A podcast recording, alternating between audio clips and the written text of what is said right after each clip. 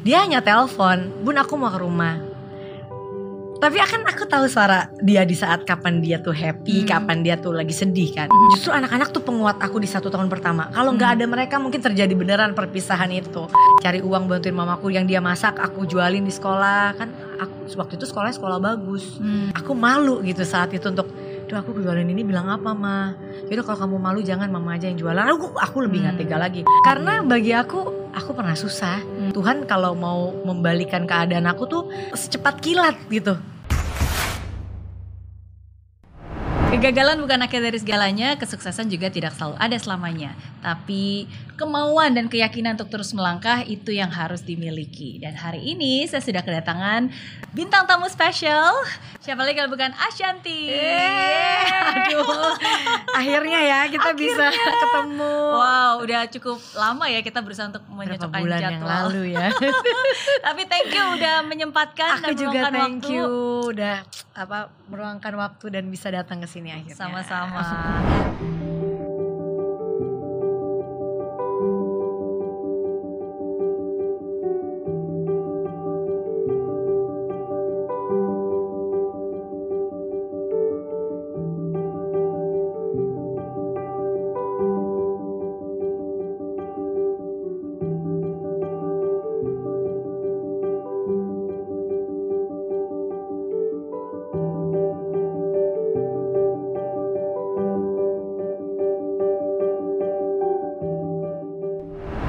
Sehat? Alhamdulillah sehat Puji Tuhan sehat, Sehat, ya. uh-uh. Iya, karena Hmm. kemarin kita ini sempat concern dan saya juga sempat concern karena Mbak Ashanti kan juga uh, Iya. sempat sakit. Benar, Berarti kan benar, ini COVID benar. yang kedua ya. Covid kedua ya. COVID yang kedua. Ya. Nah, tapi Mm-mm. yang lebih concern adalah bukan cuma sakit tapi lagi sakit pun masih disakiti.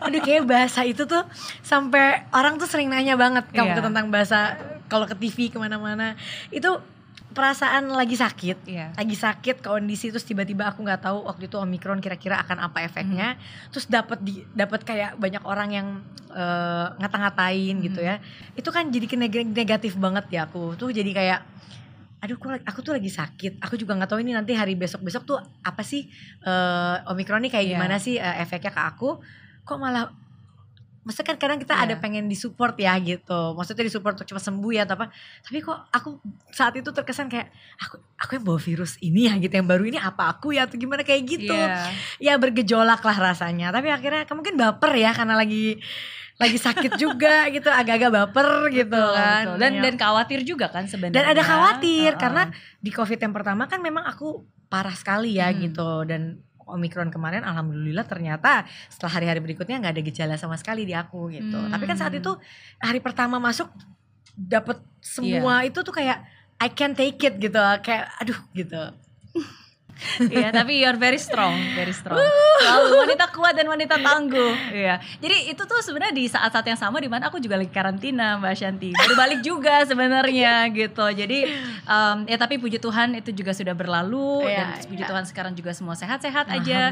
Aurel juga sehat gitu kan. Padahal waktu kondisi Sehat. juga lagi hamil sebenarnya. Itu yang kan. paling aku takutin Mhm. Eh, saat itu kayak duh jangan sampai kakak deh yang kena gitu atau jangan sampai dia positif juga karena kan aku Iya. yang duluan nyampe besoknya dia jadi kita berdoa supaya jangan sampai dia karena dia belum tentu akan kuat kan apalagi dia Hmm. lagi lagi hamil jadi Iya. kita udah lebih stresnya ke situ saat itu dan saat itu mungkin kekhawatiranku kayak aku nih saat itu kan memang penerbangan semua dibuka Iya. dan memang kita udah saat aku beli eh, tiket itu masih karantina tiga hari omikron Iya. belum ada jadi kayak aku masih kayak ngerasa aduh aku apa aku salah ya atau gimana jadi berkecamuk banget lah perasaannya saat itu dan tujuan ke sana pun juga bukan hanya untuk liburan aja kan, tapi kan ada itulah karena ada, yang lain ada- ya kita ketemu sama keluarga Oh, besar keluarga. kan iya Hmm. karena udah hampir berapa tahun dari belum nikah dari belum mereka deket malah Iya. itu kita udah nggak pernah ketemu jadi tuh Iya, ya sulit untuk em, mengerti, makanya lebih mudah untuk berasumsi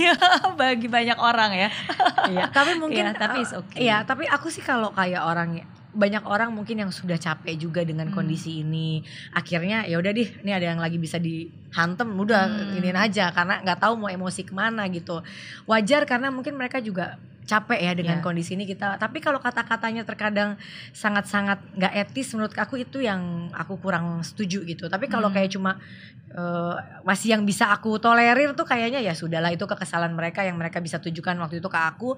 Cuma yang aku memang sedih saat itu adalah kenapa dari semua orang mungkin banyak juga yang kena saat itu teman-teman ya orang-orang Iya. kok namaku bisa me- bisa keluar ya saat itu padahal kan harusnya identitas Hmm. kita tuh nggak boleh dipublikasi kalau atas tidak persetujuan kita gitu Iya, iya, ya. Tapi again, um, seorang Ashanti selalu bisa mengubah setiap ujian menjadi sebuah kekuatan dan akhirnya itu yang membuat sekali lagi berkali-kali hidup memberikan ujian, Iya. tapi ya, uh, ya okay itu lah. cuma bisa Iya. ya menambah kekuatan juga benar benar benar Iya. benar benar dan menjadi pembelajaran juga dan jadi kekuatan juga bagi orang benar lain. benar benar Iya, dan ini juga salah satu alasan kenapa um, saya salut banget karena terakhir kali saya ketemu sama Aurel Iya.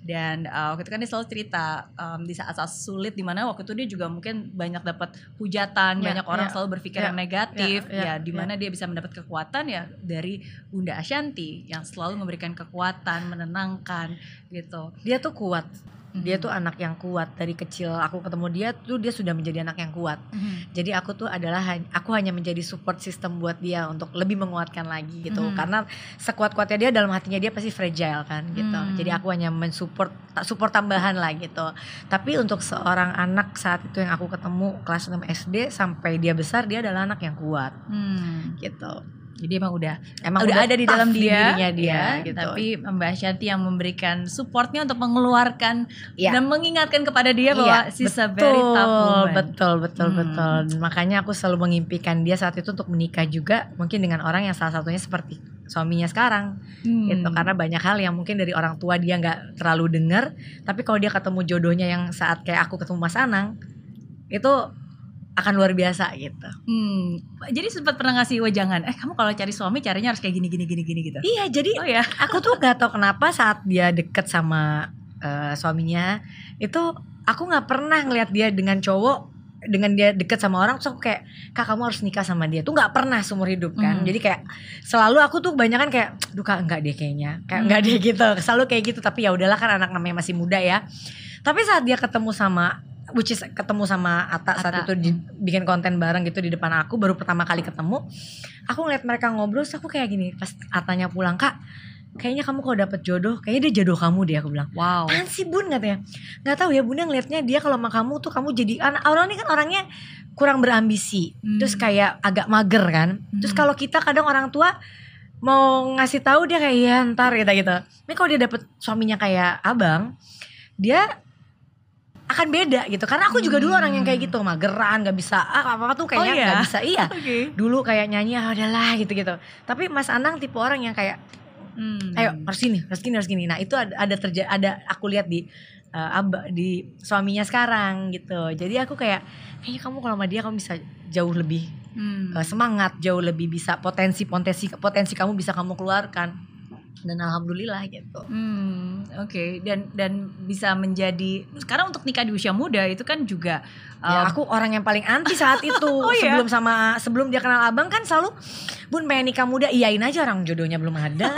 Iyain aja gitu. Tapi pada saat itu ya akhirnya kita aku bukan memikirkan nikah mudanya lagi gitu tapi ke lebih ke oke deh gitu. Maksudnya ya udahlah ini udah memang kayaknya udah jadi jodohnya dan bagus lah karena kan memang saat itu aku juga yang mak- maksudnya kayaknya memang semenjak sama eh, abang Ata itu Mhm. Aurel jadi lebih mau mau shoot mau apa ya mau ada yang dia lakuin Hmm. gitu ada purpose-nya lah di dalam hidup gitu Iya, iya. Jadi lebih terarah ya, ya kan. Jadi segala macam bakat, potensi Nah. energinya ya udah disalur ada Betul. salurannya gitu. Jadi mereka bisa tuh saling menyelamatkan sebenarnya.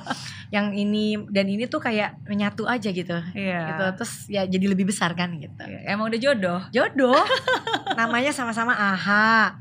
Keluarganya rame Iya. gitu kan. Jadi sama kayak kemarin kita ke Turki, aku tuh juga nggak menyangka pertemuan keluarga kemarin akan seindah yang kemarin kita Hmm. ketemu gitu karena ternyata banyak yang ya kira namanya nggak pernah ngobrol bareng kan ya walaupun udah pernah ketemu keluarganya tapi nggak pernah ngeblend saat Iya. ngobrol bener-bener deep gitu saat ketemu kayak kita melihat banyak hal-hal lain yang luar biasa gitu Hmm. Em, apa nasihat yang paling diingat yang em, Bunda Ashanti kasih ke Aurel sebelum dia nikah?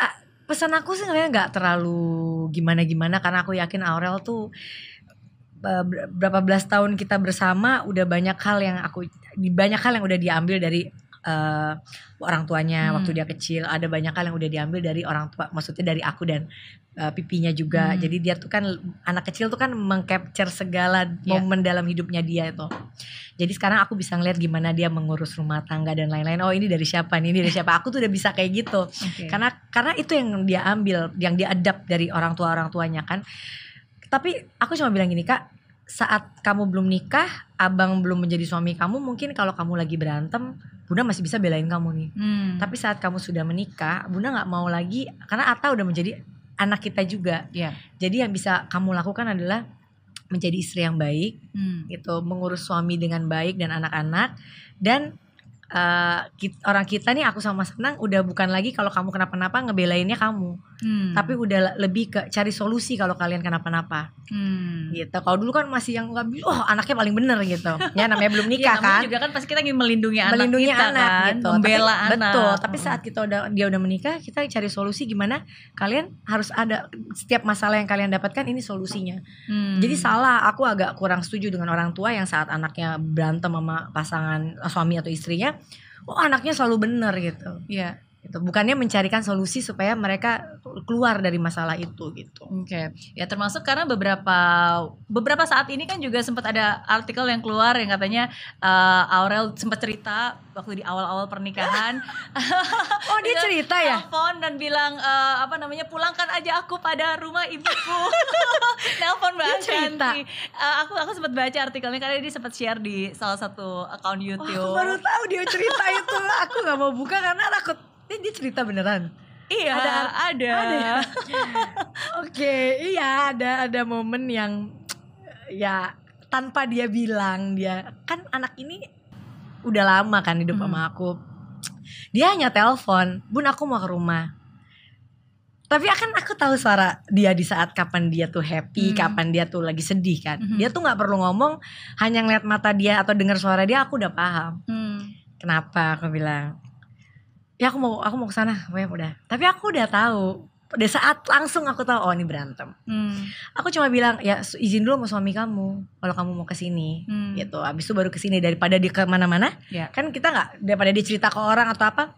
Abis itu kamu ke sini deh. Jangan ngomong sama siapa-siapa, jangan orang lain tahu ya kalau Hmm. kamu berantem. Enggak kok, enggak, enggak berantem gitu. Tapi aku udah tahu gitu kan. Eh bener gak lama suaminya juga Hmm. nelfon gitu. Aku cuma bilang ke mereka mending ke sini. Hmm. Kalian ngobrolin daripada kalian nanti harus ada orang lain yang lihat kan gak enak Ya. gitu. Tapi ya aku udah nggak bakalan bisa untuk ngebelain salah satunya. Ya udah gimana cari solusi dari permasalahan kalian. Hmm. Ya, Gitu dimengerti. sih. Ya, Pada namanya akhirnya awal-awal namanya juga awal nikah seperti itu. aku juga dulu, aku lebih parah lagi dulu loh. Oh iya. Aku tuh sampai aduh ya ampun, sampai udah kata-katanya, makanya aku bilang sama Aurel, Aurel nggak, tapi Aurel nggak tahu cerita ini mungkin ya. Jangan pernah masalah seberat apa pun kalian mengucapkan kata cerai. Bisa, Ya. betul. Ya tuh cerai lah gitu karena kan kalau di agama aku nggak boleh gitu. Iya. Pergi oh, udah nenangin pikiran dulu tapi jangan pernah terucap kata itu kan itu emosi sesaat karena bunda pernah di usia juga yang baru-baru nikah masih kaget masih aduh gitu masih chaos banget. Aku melakukan kesalahan untuk pergi gitu dari rumah. Hmm. gitu. Dan aku nggak memikirkan perasaan suami dan anak-anakku saat itu di mana orang anak kan pasti trauma dong lihat aduh ini kok orang tua gue gagal lagi sih? Gitu Hmm. kan. Itu aku sedih banget siap lagi ngeliat orang Majial yang eh, bunda pulang bunda pulang. Ya itu aku kayak sampai sekarang tuh masih keinget gitu kayak aku kok kayak gini ya? Tapi masih masih awal kawin kan. Akhirnya aku punya mama yang luar biasa yang kamu pulang. Jadi nggak nerima aku gitu. Kamu pulang nggak ada kamu kayak gini-gini kamu udah nikah Terus aku akhirnya ya udah aku balik lagi pulang gitu tapi kan maksudnya di awal pernikahan pasti itu semua Pasti. terjadi namanya Betul. belum pernah aku apalagi belum pernah nikah kan waktu itu jeder ketemu sama suami dan masalahnya bukan anak-anak Waktu itu apa tantangan terbesarnya? bukan anak-anak sama Ah. sekali justru anak-anak tuh penguat aku di satu tahun pertama kalau nggak Hmm. ada mereka mungkin terjadi beneran perpisahan itu aku melihat banyak hal baru yang aku nggak sanggup lakukan terus di- a- adalah hal-hal yang menurut aku kok gini kok gini kok gini Hmm. gitu dan suamiku juga sama namanya dua pribadi Iya. yang berbeda kan kalau pacaran kan semua yang bagus-bagusnya Betul. saat menikah wow gitu Makanya dibilang cinta itu buta. Iya. Tapi begitu nikah melek semua loh kok kayak gini. Apalagi kan ngurusin rumah Iya. terus ngurusin yang hal-hal yang nggak pernah aku urus Iya. gitu terjadilah gitu yang gitu. akhirnya ya udah aku ngobrol sama mama pas aku pergi mama cuma pesan kamu balik tenangin dulu dulu beberapa jam waktu itu nggak sampai nginep kayaknya Iya. tenangin diri dulu akhirnya dia cerita bahwa Hmm. rumah tangga itu nggak akan ada yang sesuai dengan ekspektasi kamu entah sekarang atau nanti atau 10 tahun lagi dia Ya. bilang kenapa dulu mau nikah kalau tahu konsekuensinya ini ini ini ini gitu Hmm. Udah akhirnya aku nenangin diri aku juga nelfon ke keluarga Mas Ana gitu untuk ya udahlah akhirnya nggak jemput loh suamiku tuh dia tuh keras banget untuk hal-hal kayak gitu dia dia nggak terima aku pergi gitu Iya. dia nggak terima anak-anaknya harus melewati lagi hal-hal yang kayak gini gitu Hmm. jadi aku pulang malu banget kan Tapi itu menunjukkan kebesaran hati.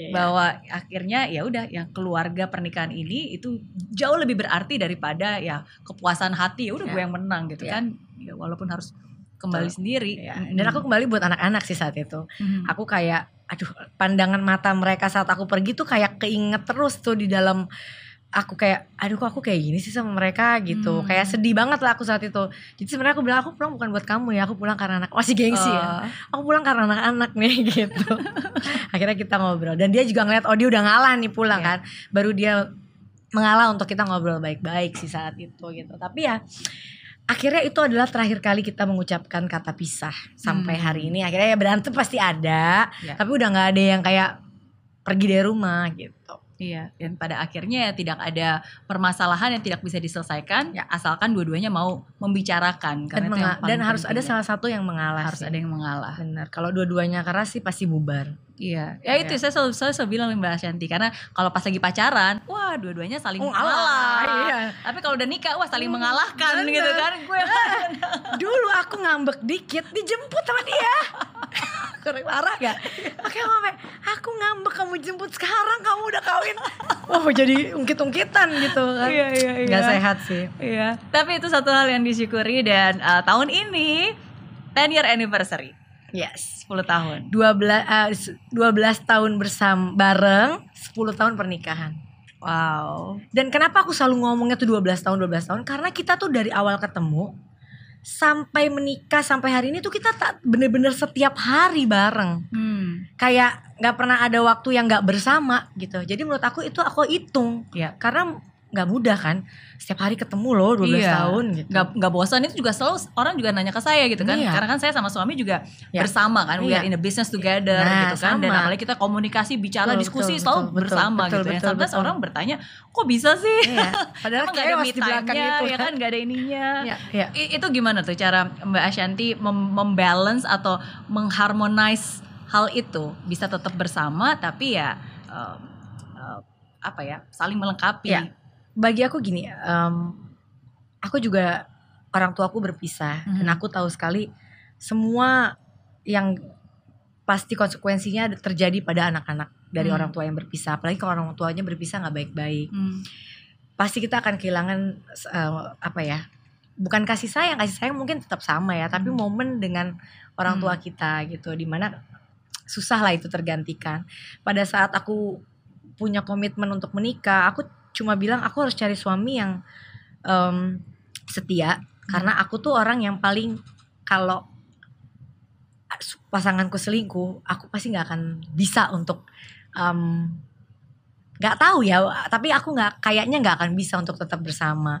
Jadi kenapa saat itu aku memilih Mas Anang? Mungkin ada banyak cowok-cowok di luar sana yang yang lebih ini lebih itu lebih itu tapi saat nikah aku nggak tahu apa yang terjadi dengan aku kalau ini aku udah punya udah punya Hmm. picture dia setia Hmm. mudah-mudahan ya mudah-mudahan dia adalah suami yang setia dia juga sayang sama anak-anaknya jadi saat itu pas saat- pada saat aku menikah dan sampai hari ini kenapa aku bisa apa ya tetap mempertahankan rumah tanggaku walaupun kita tetap ada Hmm. perselisihan dan lain-lain aku selalu berpikir bahwa aku nggak mau anak-anakku menjadi korban dari apa Hmm. yang aku rasain dan satu itu yang kedua mungkin orang di luar sana banyak yang lebih ini lebih itu lebih ini lebih itu tapi bagi aku apa yang aku dapatkan ini udah lebih dari cukup kok Hmm. mungkin tidak secara yang lain-lain tapi sosok dia bagaimana cara dia untuk bisa berkomunikasi dan dia itu selalu apa-apa bunda apa-apa Hmm. tuh aku apa-apa ya udah kita ngobrol sama bunda dulu deh aku tuh selalu di, di dikasih em, ruang untuk dilibatkan dalam Iya. keputusan apa pun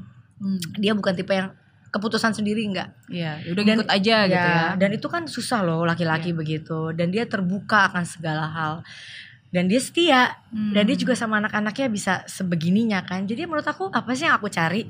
Memang kalau sesaat-sesaat akan banyak lah gitu ya. Tapi masa kita mau hidup untuk itu sih? Iya. kan aku berkomitmen dengan anak-anak. Aku juga bertanggung jawab dengan apa yang sudah aku sumpah saat aku menikah gitu. Jadi bagaimana aku buat momen dan keadaan untuk bisa terus walaupun ya cinta pasti nggak mungkin kayak di awal. Iya. bohong kalau kita terus gitu tapi tapi tetap ada. Dan bagaimana cinta itu bisa kita jaga keharmonisannya. Bisa kadang-kadang tiba-tiba yuk kita dinner berdua. Iya. walaupun berantemnya setiap hari ada. Chaosnya hal kecil makanan. Biasa paling sering berantem apa? Makanan. atau dia sekarang kan udah mulai lebih sensitif kayak kamu kok kayaknya nggak mikirin aku sih? Kamu nggak sayang ya? Dia kayak gitu. Padahal dulu cuek cuek loh dia. Oh iya. Hmm, sekarang kayak agak kebalik gitu. Tapi siklus orang kan berubah-berubah ya Iya, gitu. Kadang iya. kadang akunya yang gimana dianya gimana. Jadi kita selalu ngobrol berdua. Abis selesai kita kayak agak berantem gitu kita selalu ngobrol berdua kenapa sih kita kayak gini yuk kita Hmm. cari solusi supaya kita ke depan jangan masalahnya ini ini terus gitu jadi mungkin komunikasi Hmm. itu yang paling penting karena kalau salah satu udah nggak mau denger ya udah nggak bisa gitu Sifat apa dari Mas Anang yang paling Mbak Ashanti suka? yang paling aku suka Hmm. dia tuh mau dengar orangnya Hmm. terus dia tuh um, apa ya dia tuh kalau mungkin karena dia cinta banget kali ya gitu. Jadi aku ada amannya tuh di situ. Jadi dia tuh kayak apa apa tuh selalu kayak melibatkan aku. Terus kayak dia pergi gitu. Aku nggak ada kamu nih nggak enak Hmm. gitu. Atau pokoknya apa apa tuh dia selalu melibatkan aku. Dan dia selalu kayak sangat sangat menghargai istrinya. Ya. itu dia. Istrinya tuh segalanya lah buat dia. Hmm.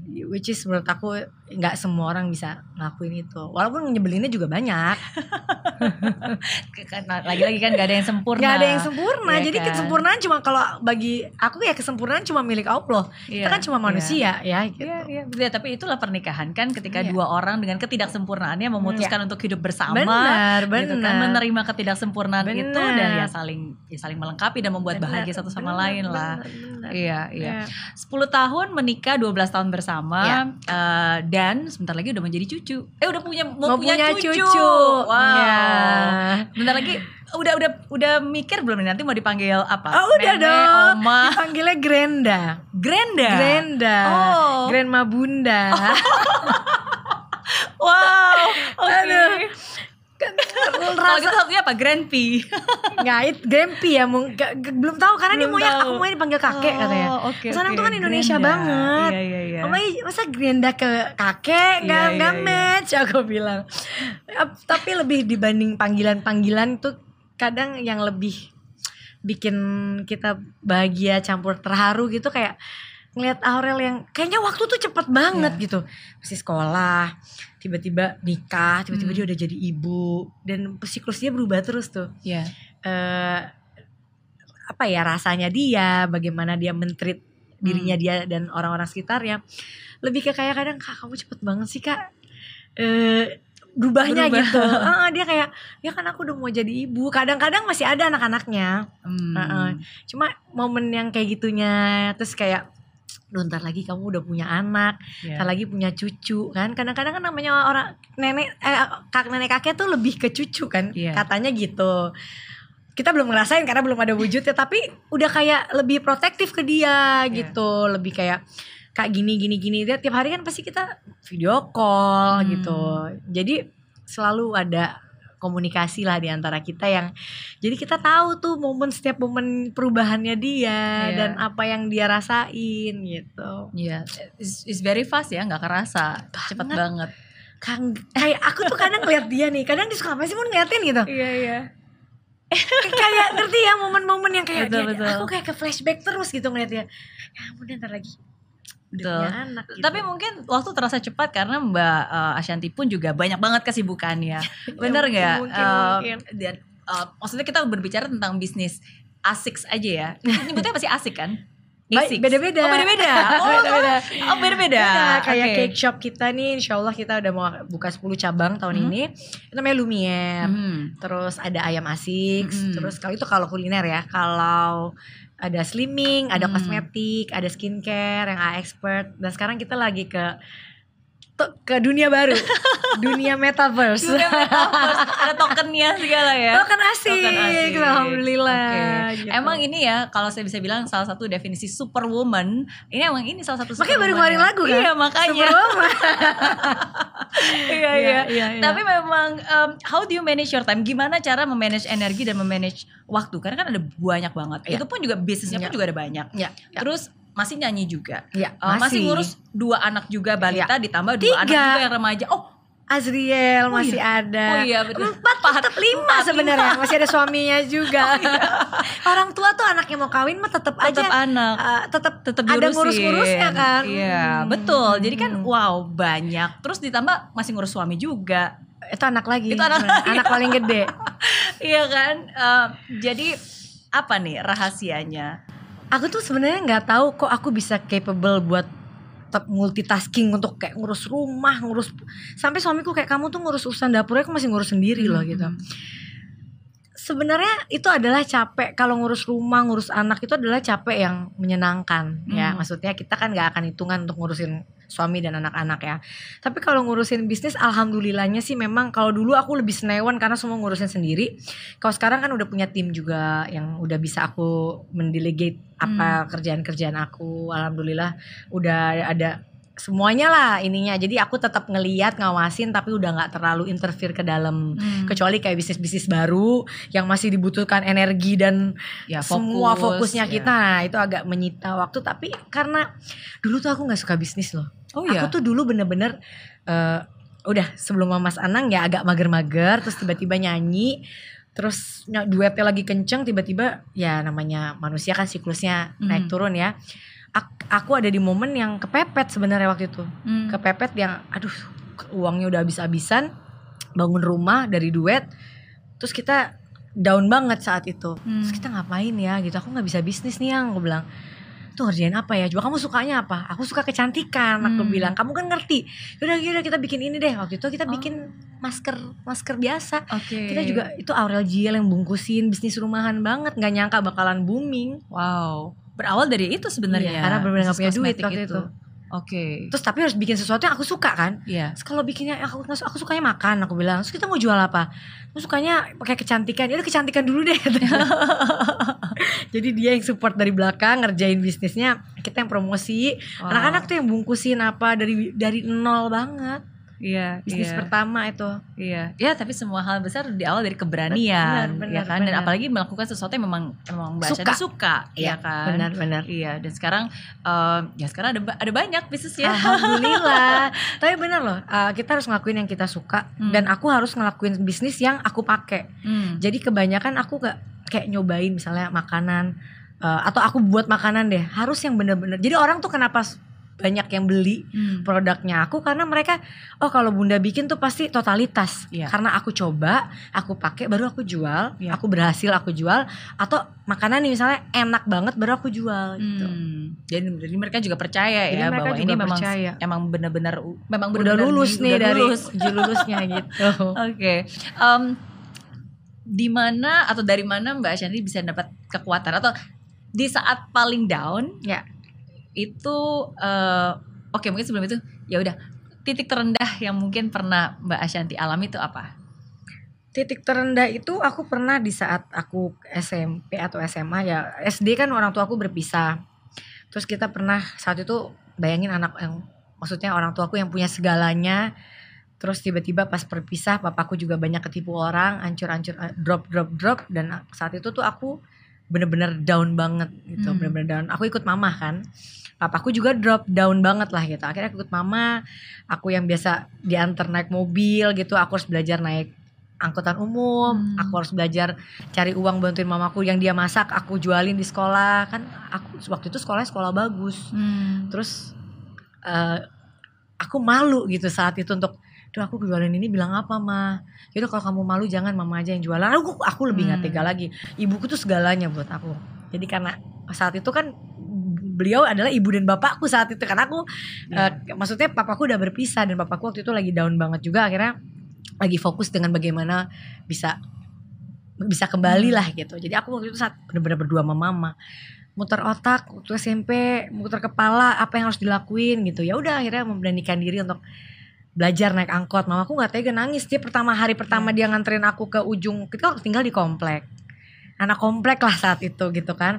Terus mamaku nganterin kayak diem-diem gitu. Apa naik ojek aja ya San? katanya. Ojek mahal mah aku bilang naik angkot lebih murah. Terus dia nganterin aku ke depan tapi dia nangis. Iya. itu momen Nggak yang tega ya. momen yang gak tega. Terus gimana kayak kamu nanti bilangnya apa? Waktu itu aku berawal dari 10 box mie doang.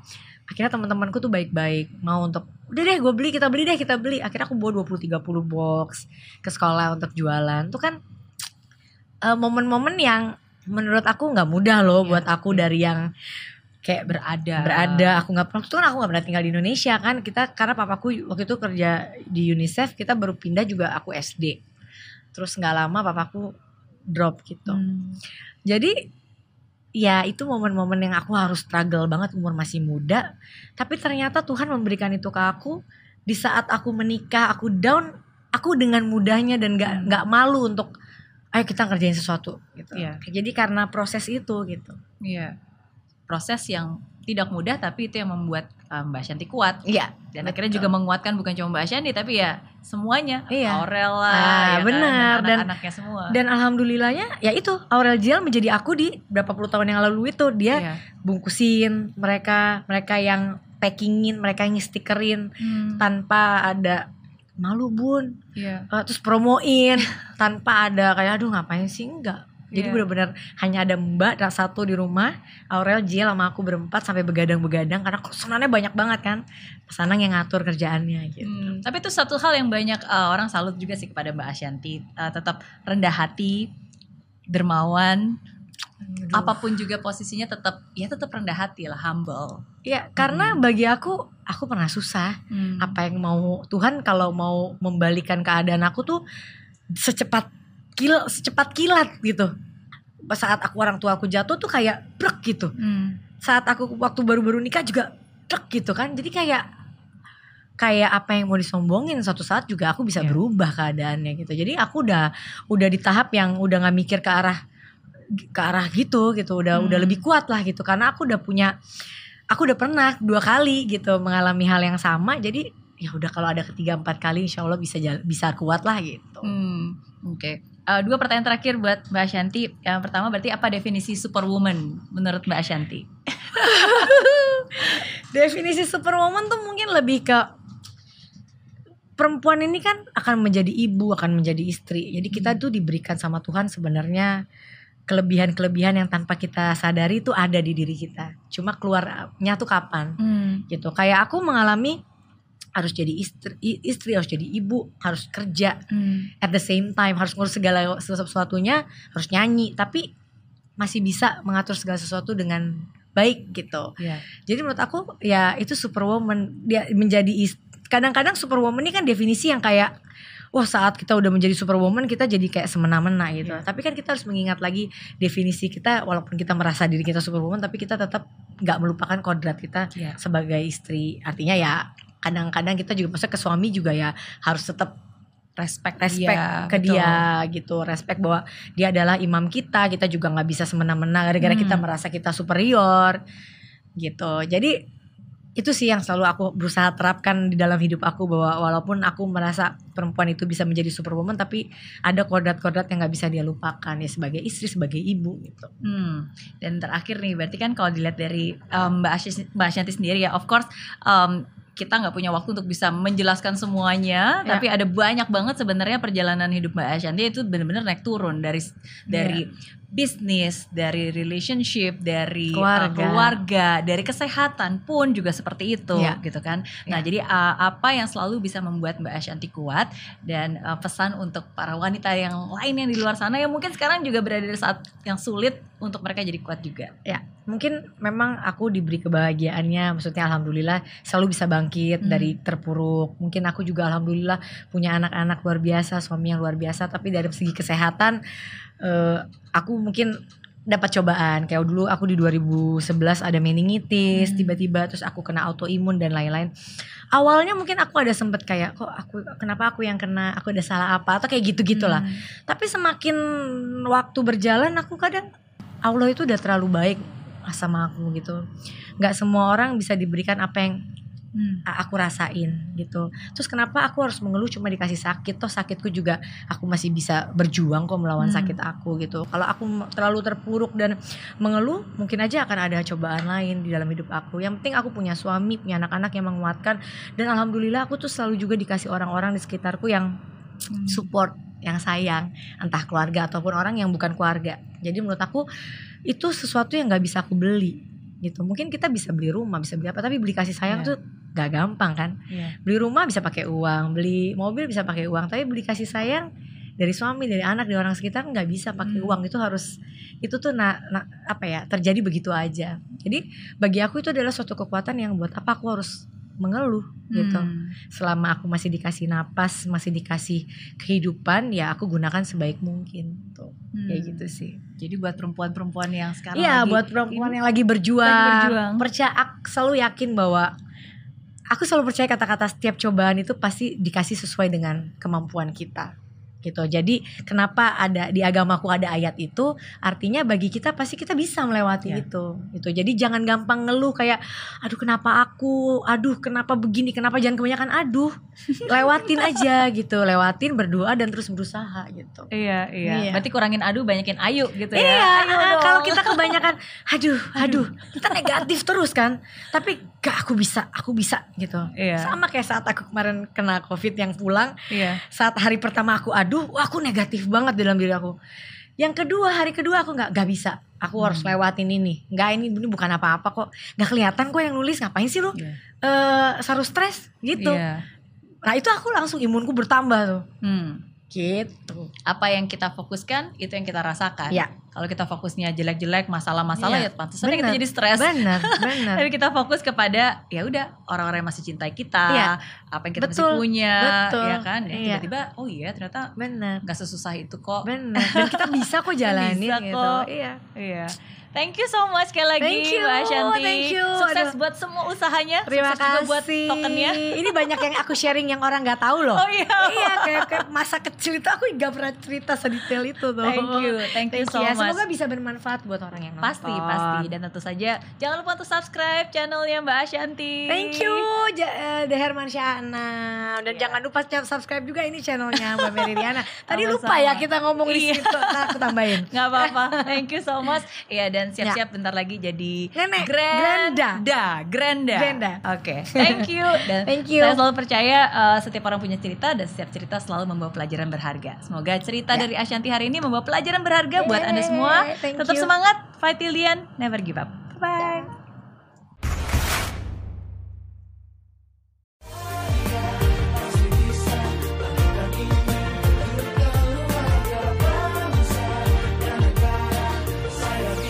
Ya, ah, laksana bumi tanpa hujan, hidup tanpa tujuan, kering dan mati tanpa hijaunya tumbuhan. Ah, demikian kalau mimpi tak kunjung terjadi.